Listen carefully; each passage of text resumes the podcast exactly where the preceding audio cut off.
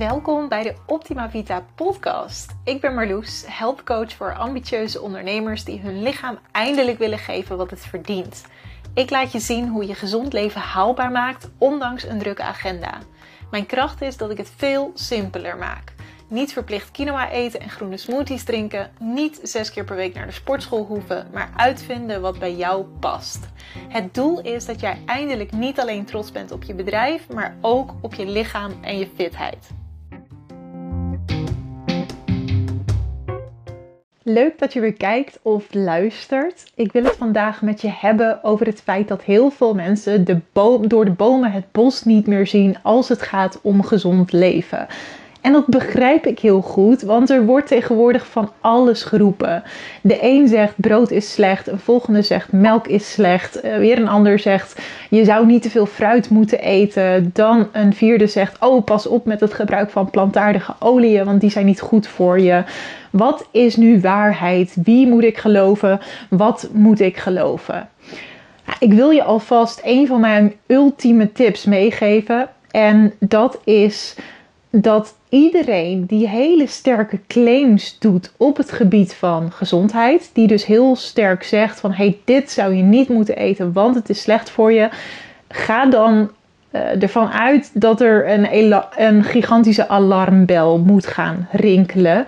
Je kunt dat namelijk niet zo makkelijk zeggen, tenzij je echt een bepaalde allergie hebt of een bepaalde aandoening hebt, waardoor een product echt slecht voor je is. Ik zal een voorbeeld noemen. Als jij een pinda-allergie hebt, dan kan je echt wel zeggen dat pinda's slecht voor je zijn, want je gaat letterlijk dood als jij een pinda zou eten.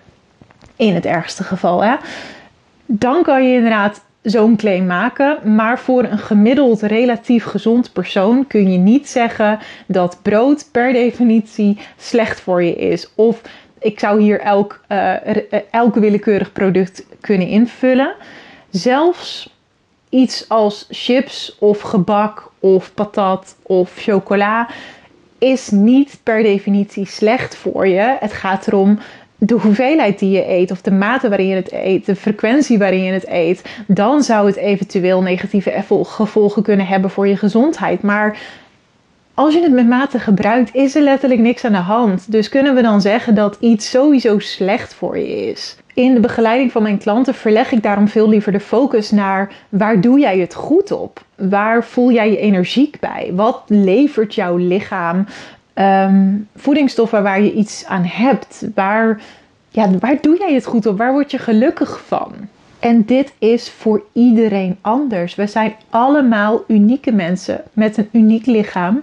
Ehm, we hebben allemaal een andere spijsvertering. Natuurlijk zijn er overeenkomsten tussen bepaalde personen. Maar de een heeft nu eenmaal een snelle spijsvertering. De ander heeft nu eenmaal een langzame spijsvertering. De een um, is heel gevoelig wat betreft hormonen. De ander komt dat allemaal minder nauw. En dan bedoel ik bijvoorbeeld Ehm, de een is heel gevoelig voor suikers, doordat de aanmaak van insuline niet helemaal lekker gaat. Dat is een hormoon wat zorgt voor de opname van suikers in het lichaam. Bij de ander is deze gevoeligheid helemaal niet zo aanwezig. De een heeft uh, voldoende lactase, dat is een enzym dat lactose, melksuiker, verteert.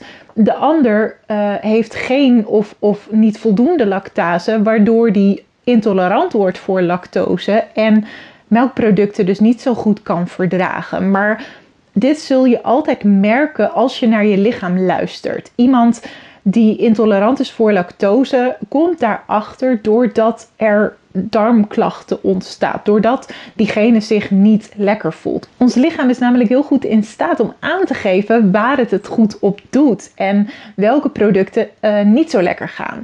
Wij zijn alleen soms verleerd om naar ons lichaam te luisteren door uh, dat wij altijd maar doorrazen in onze werkweek of in onze week in het algemeen. Vergeten we naar ons lichaam te luisteren en vergeten we die signalen die het lichaam afgeeft te herkennen met ons hoofd. We vergeten het vast te stellen. En als je dat weer gaat leren, als je weer gaat leren om te luisteren naar je lichaam, dan voel je waar jij het goed op doet en waar jij het niet goed op doet. Het is natuurlijk ook wel een kwestie van durven. Want ik begrijp als jij elke keer hoort van, oh eet jij brood, dat is slecht voor je en dat moet je niet doen. En als er iemand in jouw omgeving is, of dat nou de buurvrouw is op een verjaardag of een gezondheidsgoeroe die in jouw gezichtsveld zit, ehm, die dat constant weer beweert, natuurlijk word je daardoor beïnvloed. Zeker als gezondheid bij jou hoog in het vaandel staat, dan ben je daar um, beïnvloedbaar in en ben je daar gevoelig voor om dat op een gegeven moment te gaan geloven. Maar durf te onderzoeken. Durf naar jouw eigen lichaam te luisteren, want jouw lichaam weet wat waarheid is voor jou. En nogmaals, sommige mensen in de wereld doen het heel goed op brood, anderen doen het minder goed op brood. Sommigen doen het heel goed op melkproducten, anderen doen het minder goed op melkproducten. En, en zo kan ik elk willekeurig um, product invoegen. Nou ja, er is niemand die het heel goed doet op alleen maar chocoladerepen. Maar je begrijpt misschien een beetje de context. We kunnen niet zeggen: dit product is slecht voor iedereen. Dus als iemand zo'n sterk claim maakt, zorg dan dat je alert bent van hey, ja, je, je kunt dit niet zo zeggen. Een heel mooi voorbeeld vind ik altijd dat als je kijkt naar de wereldbevolking, dat we zo'n diversiteit hebben in maaltijdpatronen, in eetpatronen. In Japan eten ze compleet anders dan in Frankrijk. En in Afrika eten ze compleet anders dan in Amerika. Het wil niet zeggen dat iedere Japanner gezond is, dat iedere Afrikaan gezond is of dat iedere Amerikaan gezond is. Maar in elk werelddeel zijn er gezonde mensen en zijn er ongezonde mensen, terwijl ze compleet verschillend eten. En ook compleet verschillend in elkaar zitten. Er is dus niet zoiets als één ideaal eetpatroon. Het is dus ontzettend belangrijk dat jij jouw lichaam gaat leren kennen door te voelen. En dan voel je waar je het goed op doet en waar je het minder op doet. En dat heeft dus te maken met onder andere enzymen, met bacteriën, met jouw spijsvertering, met hoe jij in elkaar zit als mens. En dan kom je erachter waar jij het goed op doet. Als, of jij um, het goed doet op heel veel frequente kleine maaltijden op een dag. Of dat jij het doet op drie grote maaltijden op een dag. Of jij het goed doet op het eten van veel fruit. Of dat je zegt, nou, ik neem misschien um, minder fruit. Of ik gebruik bepaalde fruitsoorten wel of niet. Omdat mijn darmen er niet helemaal lekker op doet. Of jij het goed doet op brood of niet. Nou ja, ik, ga, uh, ik kan zo nog wel even doorgaan, maar je snapt mijn idee. Daarnaast kun je gaan kijken op Um, hoe zit het met de timing van eten? Doe ik het goed op een groot ontbijt of doe ik het beter op een klein ontbijt?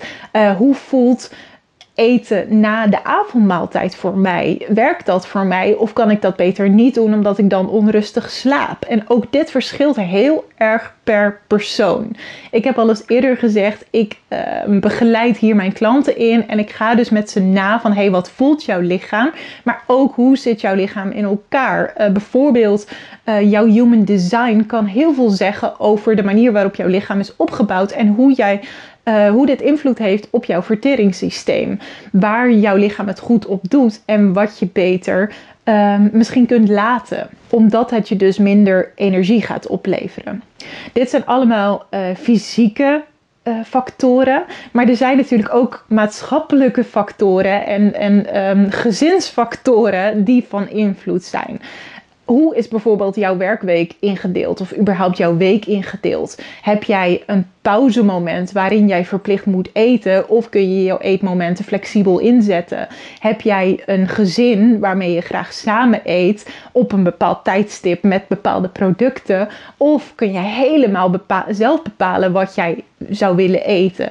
Wat is in, hierin belangrijk voor jou? Ben je bijvoorbeeld veel onderweg en, en ben je daarom beperkt in eetmomenten die je kunt gaan creëren. Dat zijn ook aspecten die je zou moeten meenemen in wat goed werkt voor jou. En dit doe ik dus allemaal met mijn klanten. Het is niet zo simpel als, oh, iedereen die bij mij komt, um, verbied ik om brood te eten of verbied ik om melk te eten, omdat iedereen het hier slecht op doet. Nee, dames en heren, ik, ik kan het nog honderd keer zeggen, maar zo, zo zitten wij niet in elkaar. Weet je, wij zijn allemaal unieke persoonlijkheden en de een doet het goed hierop de ander doet het goed daarop.